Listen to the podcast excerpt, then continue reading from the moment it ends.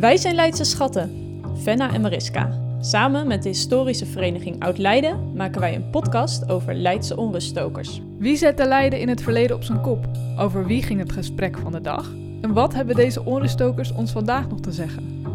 Lopend door Leiden gaan we terug in de tijd, op zoek naar hun verhaal. In deze aflevering hoor je het verhaal van Johanna de la Cour. Op haar 26e sloot zij een ongelukkig en zelfs gewelddadig huwelijk met hoogleraar Adriaan Herenborn. Door een pamflettenstrijd kwamen alle huwelijksverhalen op straat te liggen. Samen met bijzonder hoogleraar geschiedenis van de stadscultuur, Ariadne Smit, gaan we terug naar de 17e eeuw. We ontmoeten Ariadne bij Museum de Lakenhal.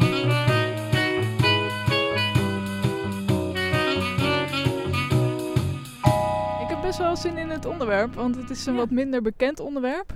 We gaan het hebben over Johanna de la Cour, die de zus was van Pieter de la Cour. Kijk, En Pieter de la Cour kent iedereen, maar Johanna kennen maar heel weinig mensen. ja, nee zeker. En we gaan spreken met Ariadne. Dus als het goed is moet zij hier al ergens staan. Hey, goedemorgen. Goedemorgen. Goedemorgen. Nou, we staan bij Museum Laakal. Kun je allereerst heel even beschrijven wat we precies om ons heen zien? We kijken hier naar een eh, ja, heel statig eh, gebouw. De, het gebouw waar in de 17e eeuw de welbekende Leidse lakens eh, werden gekeurd. En van een loodje werden voorzien. Nou ja, zoals je weet, hè, Leiden is natuurlijk eh, bekend als textielstad. Eh, er worden verschillende stoffen gemaakt. En eh, op een gegeven moment zijn die lakens eh, echt wel het belangrijkste soort stof. En daar wordt deze hal voor eh, gebouwd. En hoe zou het hier geroken hebben in de tijd van Johanna de la Cour? Eh, ja, dat is een goede vraag. Ehm, er is eh, een, eh, een man, Thomas Verduin, die eh, in een publicatie, wel iets later dan uh, Johanna de la Cour, maar in een publicatie uit eh, 1670, eh, Leiden beschrijft als een stinkgat. Klinkt goed. Volgens hem was de oorzaak daarvan ja, dat de beerputten waren verdwenen uit de stad, zo rond 1600. En in plaats daarvan waren secreetgoten gekomen. Dus al het, ja, al het riool, dat ging zo eh, de grachten in. Dus eh, en, eh, hij heeft een hele mooie beschrijving daarvan. En zegt dat de stad die stinkt door haar eigen vuiligheid als een gemeen privaat. Dus een openbare wc. Klinkt goed. Echt fris zal het niet zijn. Nee, inderdaad. En we gaan het hebben over Johanna de la Cour, deze aflevering. En waarom past zij binnen dit thema van de lakenindustrie? Nou, wat heel belangrijk is, is dat haar, ehm, zowel haar vader, eh, of ouders eigenlijk, als haar broer werkzaam waren in de textiel. Haar eh, broer Pieter de Lacour is een heel bekende, succesvolle lakenreder eh, geweest. Onder Oké. andere.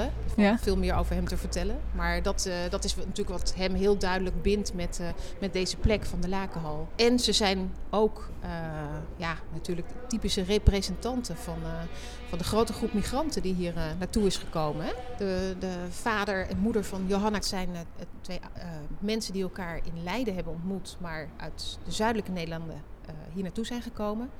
Pieter senior uit de buurt van Ieper, eh, Janne uit Liel. Ze ontmoeten elkaar hier, trouwen en stichten een gezin. En wat is de migrantenstatus die Johanna en haar familie hadden? Wat betekent dat eigenlijk voor dat gezin? Ze, ze hebben niet dezelfde positie als de, de gevestigde Leidenaren uit de elite. Dus in die zin, hè, ze weten zich enorm op te werken, enorm belangrijk te worden. Maar eh, uiteindelijk blijft er wel een, eh, een achterstand eh, bestaan. Oké, Pieter de la Cour komt op een gegeven moment in conflict met zijn zwager, de man van Johanna. ja, daar gaan we het later nog over hebben. Daar Maar ja, hebben. En dan zie je ook dat in de stad ook wel wat geluiden te horen zijn. Dat die migrantenzoon het tegen zo'n gevestigde persoon durft op te nemen, wordt niet door iedereen hem in dank afgenomen. oké. Ik heb nog een eh, schilderij van Johanna de la Cour meegenomen. Op een papiertje, uiteraard niet het hele schilderij. Kun je eens beschrijven hoe Johanna hier eruit ziet? Ja, we zien hier een eh, tekening van een vrouw ehm, die, zoals ik het zou interpreteren, er niet direct heel gelukkig eh, uitziet. Het is eh, een tekening die gemaakt is niet een paar jaar voor haar dood. En ja, goed, ik ken haar verhaal. Maar ik geloof dat eh, hier niet een heel gelukkige vrouw eh, geportretteerd eh, staat. En in die zin vind ik het, de portrettering van Johanna toch wel in schril contrast staan met de wilderige portretten die van haar broer geschilderd zijn. Volgens mij, ik weet niet of ik er al te veel aan het interpreteren ben, Ja. maar zie je wel iets van het leed wat zij geleden heeft op haar gezicht. En kan je al een tipje van de sluier geven waar dat leed dan vooral door kwam? Dat leed heeft alles te maken met het huwelijk wat zij sloot. Oké. Een mooi huwelijk leek te zijn, maar toch heel anders uitpakte. Dan gaan we nu naar de volgende locatie waar Johanna eigenlijk haar huwelijksleven begon. En dat is het Statencollege aan de Keizerstraat.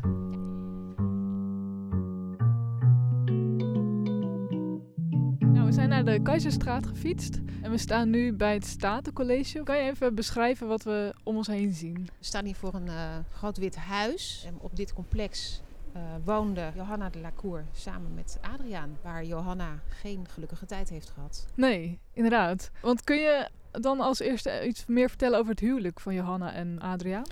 Johanna trouwt met uh, Adriaan Herenboort, een man die zeven jaar ouder was dan, uh, dan zij. In, in Leiden geboren. Hij woont een tijdje in Zaltbommel, waar zijn vader schoolmeester is, maar komt hier weer terug. En uh, wordt benoemd eerst tot buitengewoon hoogleraar redeneerkunde aan de universiteit. Okay. En uh, een paar jaar voor het huwelijk uh, met Johanna is hij benoemd tot hoogleraar filosofie. Dus zeker een man met een eervolle reputatie. Was er sprake van liefde, denk je? Nou, dat is zeer de vraag. Het was op papier een hele goede match. Johanna bracht veel geld in.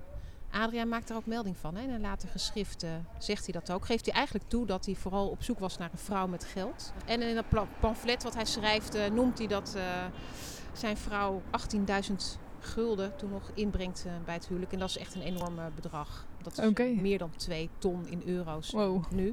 Was Adriaan voor haar ook een goede match omdat hij een soort verbinding kon leggen tussen migrantenfamilie en een Leidse burger? Of denk ik dan nou, te ver? Ja, um, ik denk dat het. Kijk, het, is, het was natuurlijk een uh, hoogleraar aan de universiteit. Uh, dat was natuurlijk enorm eervol. En in die zin dat zij als in feite was zij, wat we nu zouden noemen, een soort tweede generatie migranten, uh, zo kan uh, uh, introuwen. in die zin is dat natuurlijk ook een hele, ook voor haar op papier een mooie match geweest. Waar gingen zij na hun huwelijk wonen? Zij gaan uh, wonen uh, hier aan de uh, toen nog Cellebroedersgracht, nu de Keizerstraat dus, in het Statencollege. En wat is dat precies? Het Statencollege dat is een complex waar vroeger het Cellebroedersklooster gevestigd was. Maar dat Ja. verandert natuurlijk na de reformatie. En dan zie je dat de Staten van Holland samen met de universiteit hier een ja, het, het Statencollege stichten. En dat is bedoeld voor studenten met niet zoveel geld die ze willen aantrekken en hier eigenlijk willen opleiden tot, uh, tot predikant. Maar Adriaan Herenboort werkt al aan de universiteit. Waarom kwam hij dan uh, met zijn vrouw Johanna hier wonen? Hij is uh, onderregent van het Statencollege. Dus dat verklaart waarom hier de echtelijke woning gevestigd is, waarom we hier staan. Hoe zag het huis er toen uit, toen zij de woning betrokken? Nou, het moet van binnen heel mooi uh, zijn aangekleed. Met allerhande mooie meubels, mooie huisraad enzovoort. Maar niet lang na de huwelijksdag, uh, ze trouwen in november in 1646, merkt Johanna dat een deel van de, van de huisraad is weggehaald. Oh. En uh, ja, na zes weken blijkt dan de wel gestoffeerde kelder en de keuken en de turvende houtzolder, dat, dat blijkt allemaal leeg te zijn. En, ja, dan komt de aap uit de mouw. Adriaan Herenboort blijkt schulden te hebben zij was daar helemaal niet van op de hoogte toen ze met hem ging trouwen. Kennelijk is dat niet helemaal duidelijk. En blijken de schulden die hij heeft uh, groter te zijn dan zij van tevoren had verwacht. En okay. we lezen dan ook in uh, het, uh, de pamfletten die na de hand zijn geschreven... dat een deel van haar geld gebruikt moet worden voor het aflossen van zijn schulden. Het verhaal gaat zelfs dat een deel van de huisraad, hè, waarmee dat huis dan zo mooi is aangekleed, dat het allemaal geleend is. Geen goed begin van je huwelijk. Dat is geen vrolijke begin. Is bekend waar om hij schulden had. Waar had hij al dat geld aan uitgegeven? Nou, daarover is uh, geen directe informatie uh, beschikbaar. Maar er zijn wel wat vermoedens. Um, hij blijkt niet alleen schulden te hebben, hij blijkt ook behoorlijk te drinken. En uh, verder niet erg rijk te zijn. Kennelijk zit daar niet veel geld in de familie. Uh, en wordt er waarschijnlijk wel meer uitgegeven dan dat erin komt. Er wordt op een gegeven moment ook wel een melding van gemaakt. Uh, dat uh, de moeder van Adriaan Herenboort... dat hij net zo lek is als een mandje als Adriaan zelf. Oh. Dus kennelijk is hij ook behoorlijk verkwistend. Dit zijn alle roddels, hè? dat moet ik er wel bij zeggen. Ja. Maar goed, ik denk dat ja, het is iemand die waarschijnlijk boven zijn stand leeft. Hoewel zijn tractement niet on, onaardig was. Dus er wordt behoorlijk wat doorheen gejaagd. Hij had de schulden en een drankverslaving. Had dat impact op het leven van Johanna toen ze met hem trouwde? Nou, enorm. Uh, zij komt hier uh, in dat huis wonen en komt daarachter dat hij uh, veel te veel drinkt. Um, en voor haar is het dan ontzettend belangrijk om dat geheim te houden. Want het is een enorme schande hè? dat zijn uh, zo'n ja, toch eigenlijk ongelukkig huwelijk heeft gesloten. Dus dat is zaak om dat echt binnenskamers te houden. En daar doet ze ook, ook alles aan. En hoe ziet dat eruit dan? Ehm, dat is wel een mooie anekdote. Adria schrijft dan op een gegeven moment ja, mevrouw wil maar altijd uh, met me uit wandelen gaan. En dat neemt zoveel tijd in beslag. Ik kom uh, helemaal niet meer aan studeren toe. Oh, uh, oké. De versie van Johanna werkt daar iets aan van af. Die zegt, als mijn man uitgaat, dan wil ik hem vergezellen.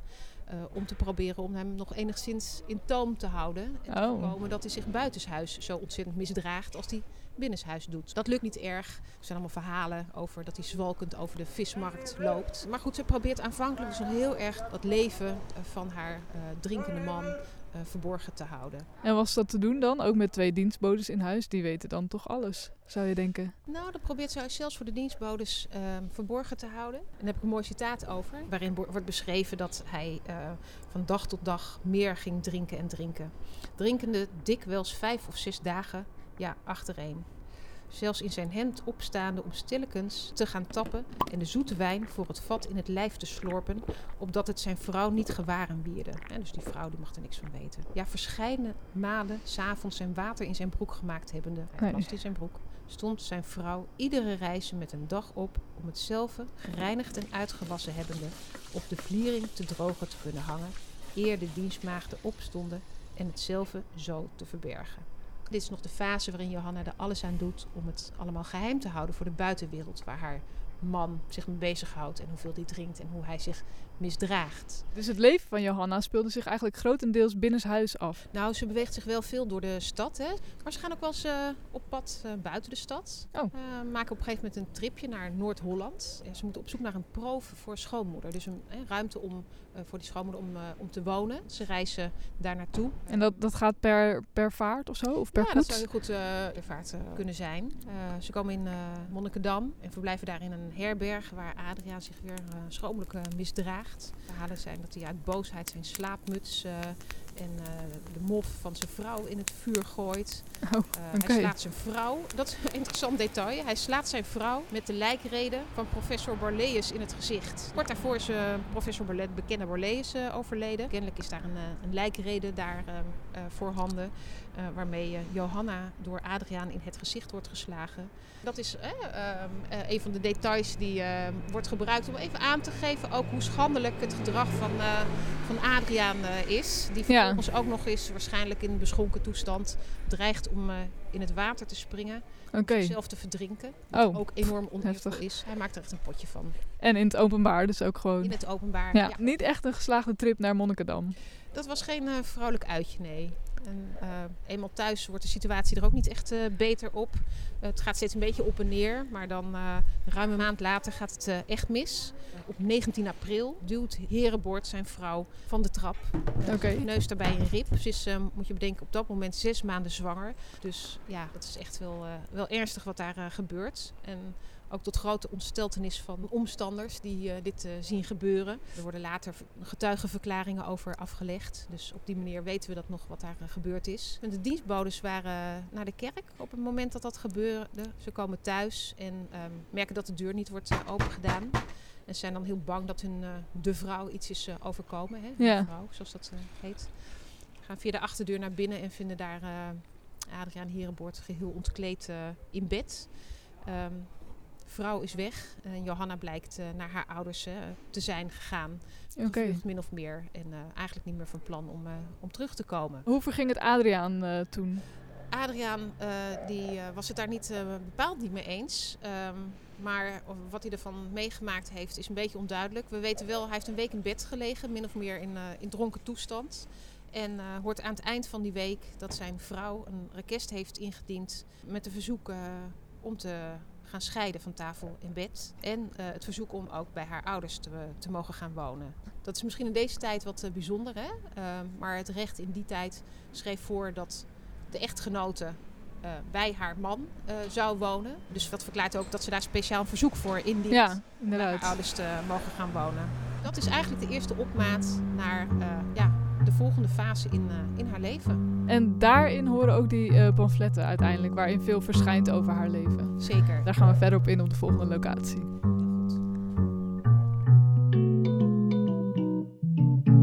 Ja, waar staan we op dit moment? We staan nu in de Nonnensteeg. En dat was de uh, plek waar volgens het voorblad van een van de pamfletten de drukker was gevestigd. Severijn Matthijs, waar uh, Adriaan Herenboord uh, een van de pamfletten in de grote pamflettenstrijd heeft laten drukken. Wat je ziet is, Johanna is naar haar ouders toegegaan.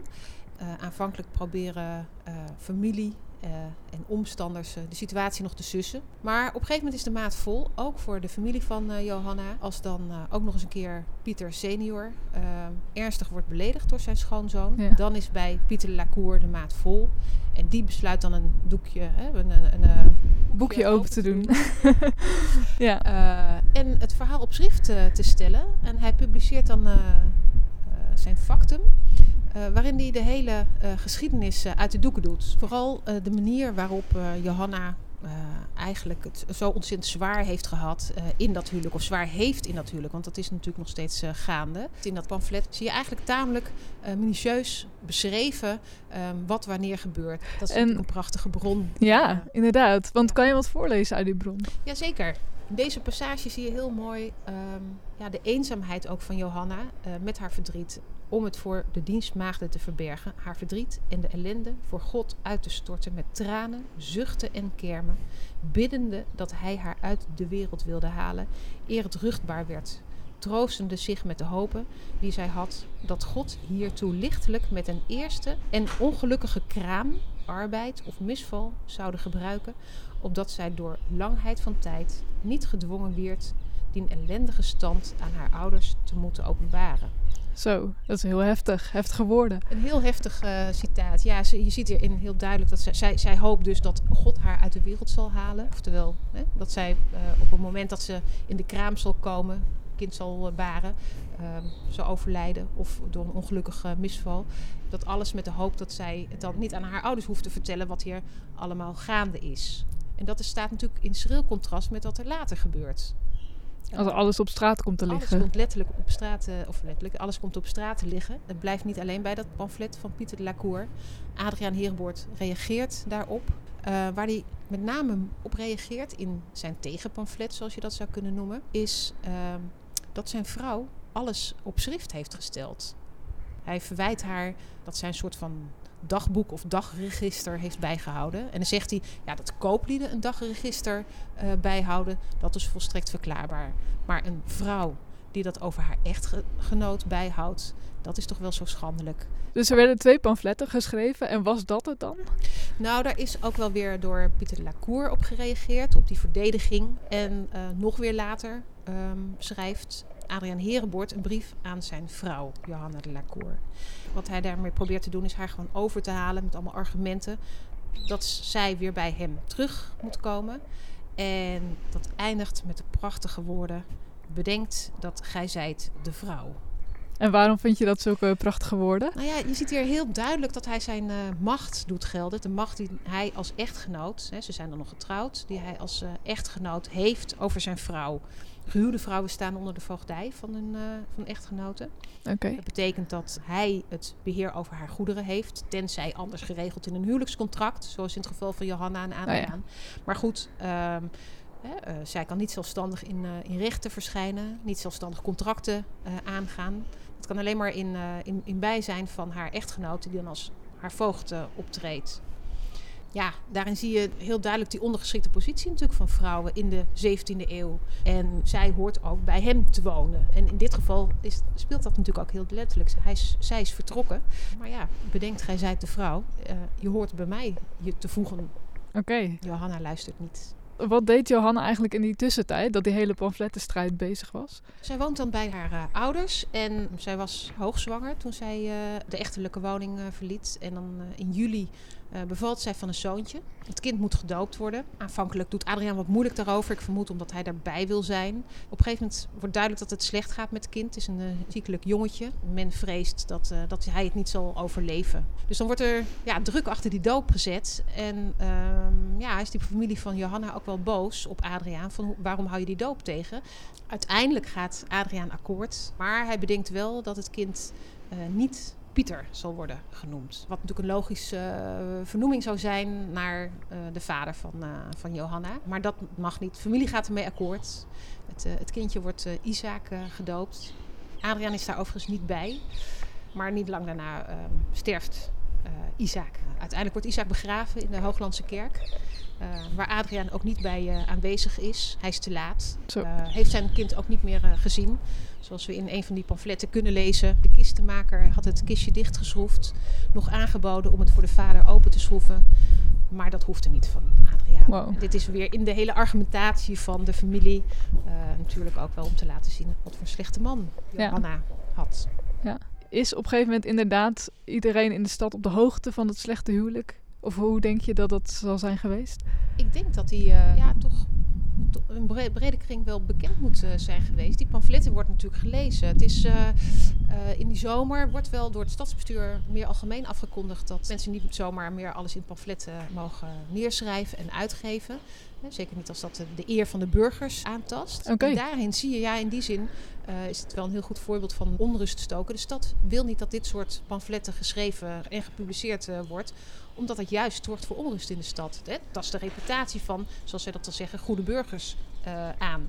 Je ziet ook dat de kerk zich ermee gaat uh, bemoeien. Hè? De kerkenraad vergadert hierover en besluit twee predikanten langs te sturen om te proberen het echtpaar nog met elkaar te verzoenen. Aanvankelijk is er nog wel een soort van opening en dat blijkt dan met name uit de opstelling van haar familie. Haar vader zegt ook dat hij het liefst zou zien dat zijn dochter zich weer met haar echtgenoot zou verzoenen. Maar tegelijkertijd legt hij ook wel de verantwoordelijkheid daarvoor bij zijn dochter. Zegt van ze is oud en wijs genoeg om dat zelf te beslissen. Opmerkelijk is dat, denk ik. Waarom is dat opmerkelijk? Nou ja, goed. Uh, hij uh, geeft duidelijk aan dat het haar keuze ook moet zijn. Het is niet een, een vader die alleen maar vanuit een patriarchale verhouding tot zijn dochter zegt wat zij moet doen. Hij luistert wel degelijk naar haar. En ja. zij blijkt op dat moment ehm, ja, vrij standvastig. Het is voor haar te ver gegaan, dus zij heeft daar niet veel zin in die predikanten die op bezoek komen, die hebben ook redelijk snel door dat dit uh, een uh, zaak is die eigenlijk misschien niet meer te redden is. En uiteindelijk zie je zelfs dat de stad ook nog een soort van ja, bemiddelingspoging doet. Het gaat natuurlijk over mensen die behoorlijke, hè, een behoorlijke status uh, hier in het Leidse. Er wordt een commissie ingesteld, maar ook daarvan wordt duidelijk dat dat ja, weinig soelaas biedt. Ja. Er is te veel gebeurd voor Johanna, die wil niet meer terug.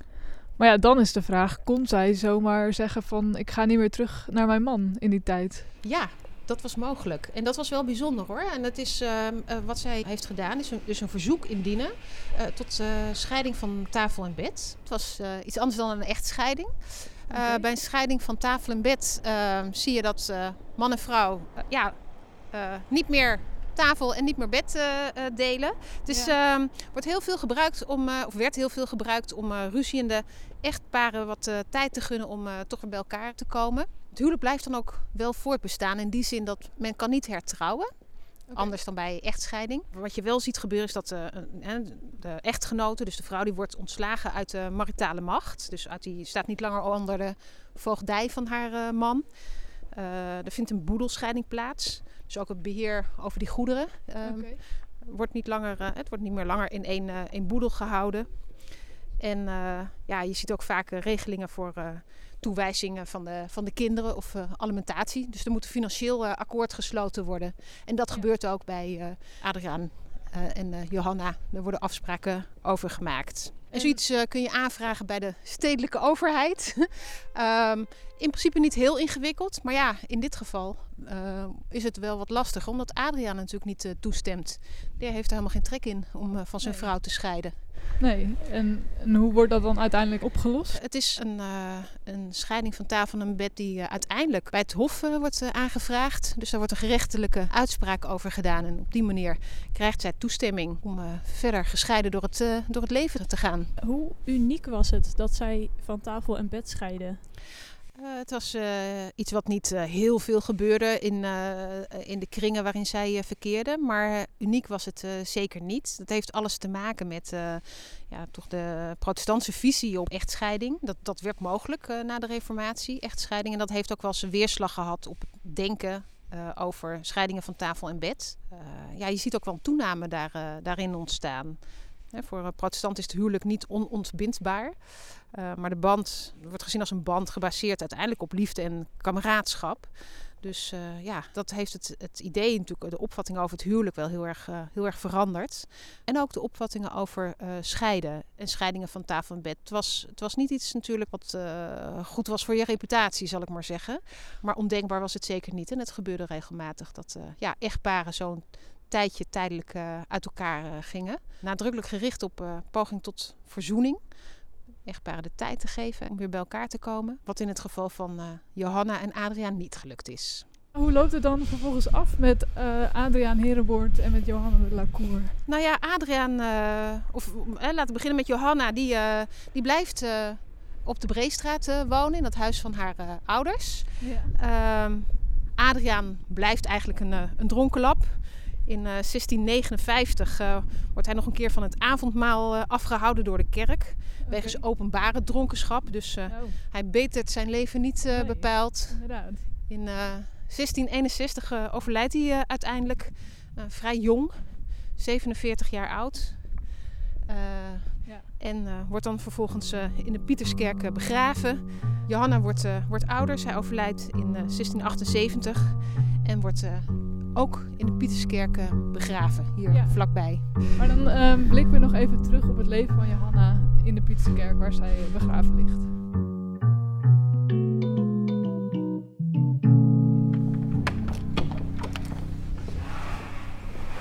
Mooi, we zijn in de Pieterskerk. Ziet er mooi uit. Hoi, Bart toch?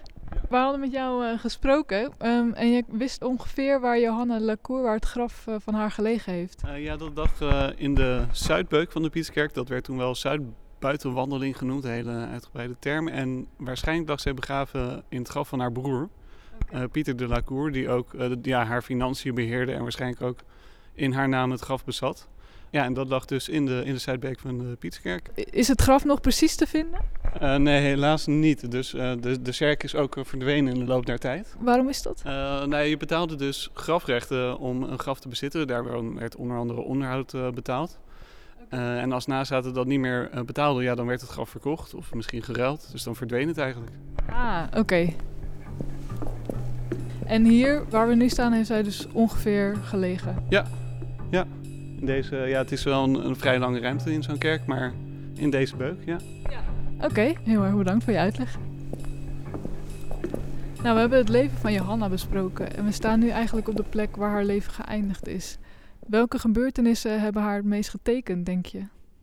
Ja, dat vind ik lastig uh, te bepalen. Ze heeft nogal veel uh, ongeluk meegemaakt in haar leven. Je kan natuurlijk uh, denken aan het slechte huwelijk wat ze gehad heeft. Ze is mishandeld door de man. Maar ook de, de miskramen die ze heeft gehad. Waarop ze werd aangekeken overigens ook nog. Hè? Het feit dat ze kinderen voortbracht. En dan uh, natuurlijk haar, haar kind heeft verloren uiteindelijk.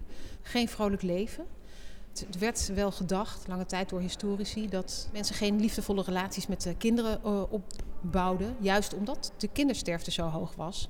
En ze dus steeds weer afscheid moesten nemen, of heel vaak afscheid moesten nemen van, uh, van kinderen.